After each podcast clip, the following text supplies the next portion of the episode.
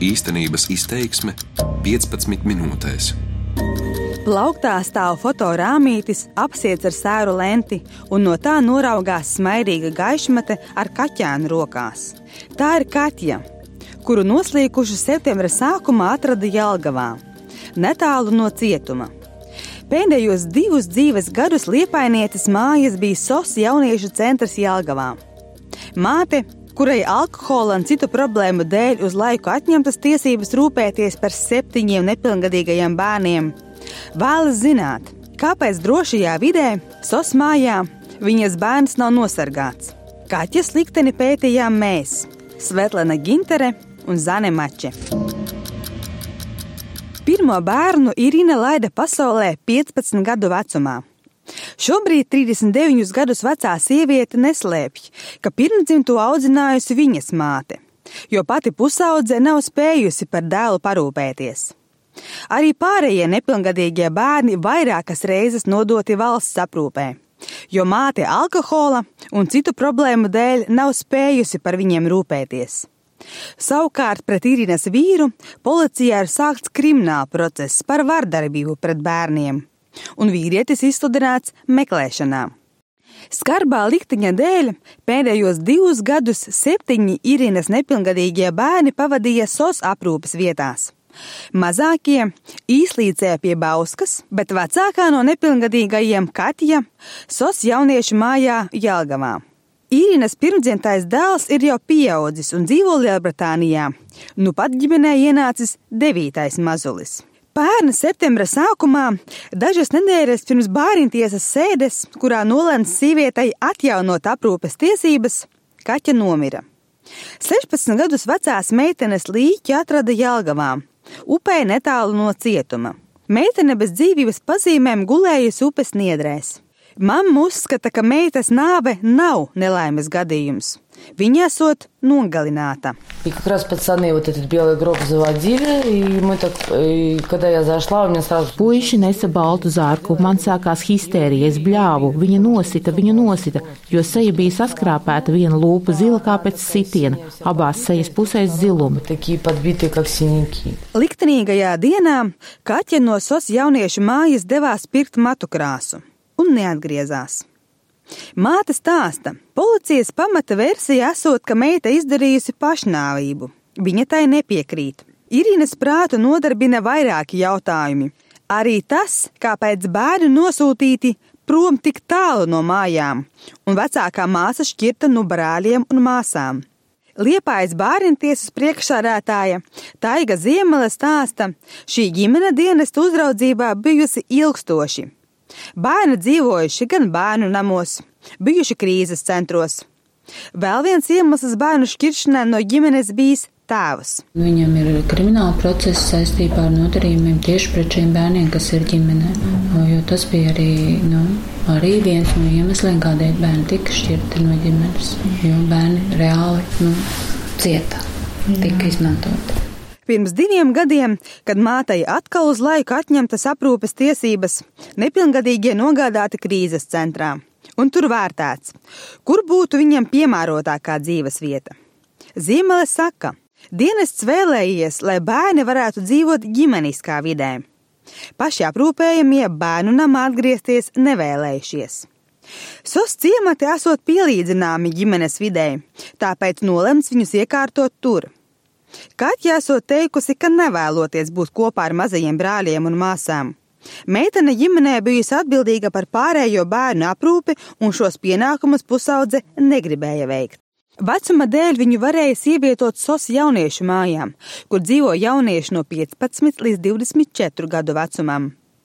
Meitene esot labprāt pieņēmusi piedāvājumu doties uz attālo Jelgavu, un tur dzīvojot uzturējusi saikni ar ģimeni, gan brāļiem un māsām, gan mammu. SOS ciematu asociācijas direktore Ilze Paleja kaķu raksturo kā bērnu ar uzvedības traucējumiem un atkarībām. Meitene arī nu, ir daudz ko savā dzīvē pārdzīvojusi, jo izņemšana no ģimenes, no mammas notika vairāk kārtīgi. Tā kā nu, arī meitene ļoti labi zināja gan visu ģimenes vēstures, gan arī to, kā mammai gāja aprūpē un kā viņa varēja tikt galā un, un kāda bija arī mammai problēmas, kāpēc arī bērni tika vairāk kārtīgi izņemti no ģimenes. Palēja stāsta, ka SOS māja nav slēgta tipa iestāde, un bērni paši iet uz skolu, apmeklē dažādus pulciņus. Audzēkņi dodas pirkt sev apģērbu, dažādas higiēnas preces. Jauniešu mājas uzdevums esot sagatavot pusauģus patstāvīgai dzīvei, arī iemācīt rīkoties ar naudu. Kaķes problēmu risināšanā iestāde esot ieguldījusi daudz pūdu stāsta palēja. Māte Irina gan jauniešu mājai labus vārdus nevelta. Как они мне сказали, в хорошую жизнь от плохой мамы алкоголички вы их забрали. Viņi man teica, nodrošinās bērnam labu dzīvi prom no mātes alkoholiķis, Tad kāpēc pie jums tiem labajiem aizgāja bojā mans bērns?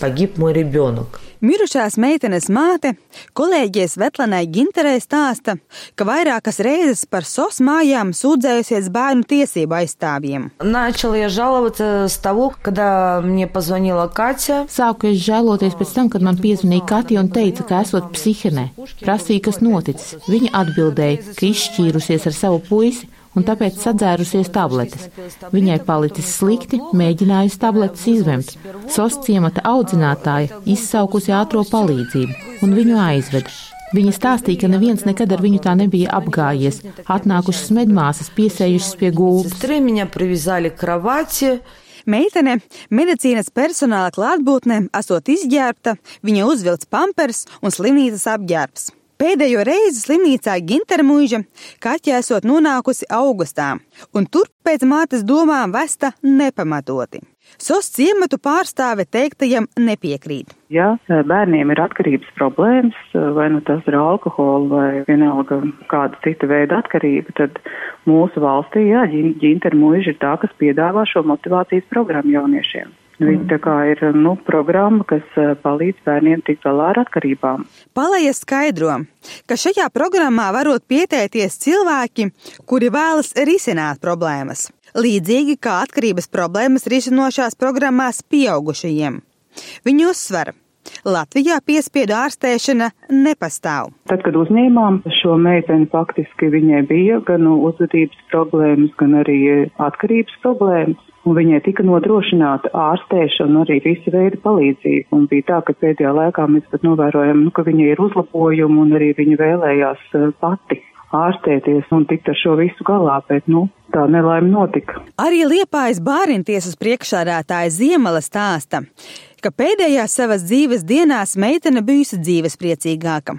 Vasaru bērni bija pavadījuši pie mammas un iestādēs atgriezušies vien līdz laikam, kad bērnties izlems par viņu atdošanu mātes gādībā. Tā informācija, ko mēs arī saņēmām no SOS ciemata par to pēdējo laiku tieši meitenes dzīvē, ka tieši viņa bija tāda, nu, nu Nu, tajā nu, ļoti cerīga, nu, pirms tam ļoti tāda iedvesmota, ka viss ir tagad uzlāpts, nu, ka viņa pati ir gatava mainīties, ka daudz ko mainīt tajā savā dzīvē, un tāda nu, ļoti pozitīva tieši, nu, par, ja mēs par tādu pēdējo uh, laiku runājam. Te jau divas nedēļas pirms ģimenei svarīgā notikuma kaķu atrada mirušu. Māte Irina stāsta, ka SOS jauniešu mājā par meitu atbildīgie nesot informējuši policiju par to, ka bērns nav atgriezies noteiktā laikā mājās. Noteikumi pieprasot, ja pusaudzis līdz pulkstens 21. nepārodas mājās, aprūpētājiem ir jāziņo policijai. Irina kolēģe Ginterei apgalvo, ka atbildīgie to nesot darījuši. Arī viņa par meitas nāvi uzzinājusi no citiem cilvēkiem. О, Господи, если бы они мне сообщили, я, наверное, там бы умерла бы сразу бы на месте. Ak, Dievs, ja viņi man būtu paziņojuši, es uz vietas būtu nomirusi. Devītajā viņa man nepiezvanīja. Tas pārsteidza, tas bija neierasti. Mēs astotajā pēdējo reizi sazvanījāmies. Viņa teica, māmu, viss ir kārtībā, ātri būšu mājās. Devītajā zvana nav. Desmitajā es rakstīju īsziņu sos ciematam. Es viņiem rakstu, ka Katja var man piezvanīt. Atnāca atbilde, Katjas nav mājās. Atbilde atnāca desmitajā datumā. Tad es prasīju, vai Katja vispār nakšņoja mājās. Atbilde skanēja, viņas nav mājās. Tad man kaut kas iedūrās sirdī, un es metos viņiem zvanīt. Sazvanīt nevarēju. Un 11. septembrī mēs skolā uzzinājām, ka Katja ir noslīkusi. Mamma, uzzinot satraucošās ziņas, zvanījusi bāriņtiesai, kur apstiprinājuši, ka Katja patiešām ir mirusi. Bāriņtiesā Irinai teikuši, ka pie viņas uz Liepāju dodoties sosciemata pārstāvji, kuri apmaksāšot arī bāru izdevumus un nodrošināšot psiholoģisko palīdzību. Paleja noliedz mātes teikto. Organizācija esot izdarījusi visu, ko no viņiem šādā gadījumā pieprasa likums. Tā nav taisnība. Tātad mums arī bija valsts bērnu tiesība aizsardzības inspekcijas pārbaude, un mēs pilnībā varam apliecināt, un es arī to apliecinu kā organizācijas vadītāja, ka pulkstens deviņos mēs informējām valsts policiju, kur arī valsts policija ir viss tā kā saņemta informācija no mūsu organizācijas, ka mēs ziņojām skaču par to, ka viņa nav ieradusies mājās. Policija viņu atrada otrā dienā mirušu. Tā ir taisnība, bet uh, Tā kā mēs paziņojām un arī bijām uztraukušies, kur viņi ir. Palaja saka, ka notikušo izmeklē policija. To apliecina arī Jelgavas iecirkņa krimināla policijas nodaļas priekšnieks Igors Helmanis kurš pagaidām noliedz vardarbīgu meitenes nāvi. Krimināla procesa izmeklēšanas eh, gaitā nav iegūti pierādījumi, kad ir notikusi vardarbība nāve. Un tie avoti, kas saka, ka krimināla process eh, ir izbeigts, tie ir nepatiesi, jo uz to brīdi notiek aktīva izmeklēšana. Mamma Irina stāsta, ka policijā uz meitas sejas redzētās rētas skaidrojuši ar līķi atrašanos ūdenī, niedrēs. Taču sīkāk par ekspertīzes atklāto policija ar māti nesot runājuši. Viņai lietā ir liecinietes status, lai gan māte lūgusi sevi atzīt par cietušo. Mātei ir sava notikušā versija. Viņa domā, ka meitu noslīcinājuši citi jaunieši, ar kuriem viņa klaiņojusi ārpus sosmājas. Pusauģim, ar kuriem Kaķa komunicējusi, mātei sūtījuši dažādas īziņas un dalījušies ar sev zināmo. Īpaši Irinu satraukusi kāda pārsūtīta divu meitiņu sarakste. Nezinu, ja godīgi es pats negribu dzirdēt, kā, kāpēc un kā viņi to izdarīja, bet to viņas skaidros policija ne man, nu, tas ir cibrieni pisar, da? Tas fakts, ko, tās fakts, kā tu uzzināji. Alise dabūja kaķas draudzenes numurus, kas bija tajā vakarā ar viņiem visiem. Kā tā notikas, un viņam pastāstīja visu, ko redzēja. Mēs jautājām, kāpēc meitene negaja paliga, kad puši kaķu slicināja. Teica, ka bija bail. Viss. Policijā lietu nekomentē. Helmanis gan aicina māti visu viņas rīcībā esošo informāciju nodot likumsargiem. Irina saka, kā esot to jau izdarījusi.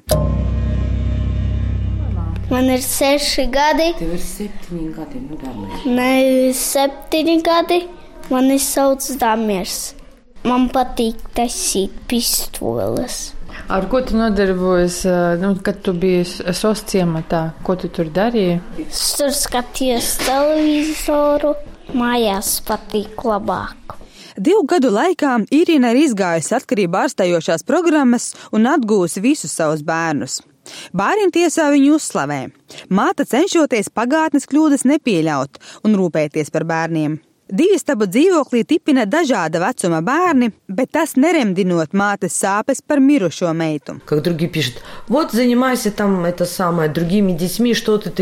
Citi saka, rūpējies tagad par pārējiem bērniem, ko tu te ņemies, atvainojiet.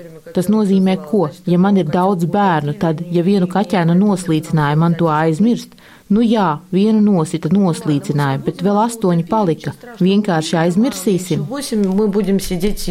Māte nevaino policiju neizdarībās, tikai domā, ka likumsargi ir pārpludināti ar darbiem un ar visām lietām nespēja tikt galā. Savukārt policists Helmanis uzskata, ka šis stāsts izgaismo lielu problēmu bērnu klaiņošanu. Ļoti liela problēma ir klaiņojošie bērni. Tas ir ļoti nežēlīgi un liela problēma.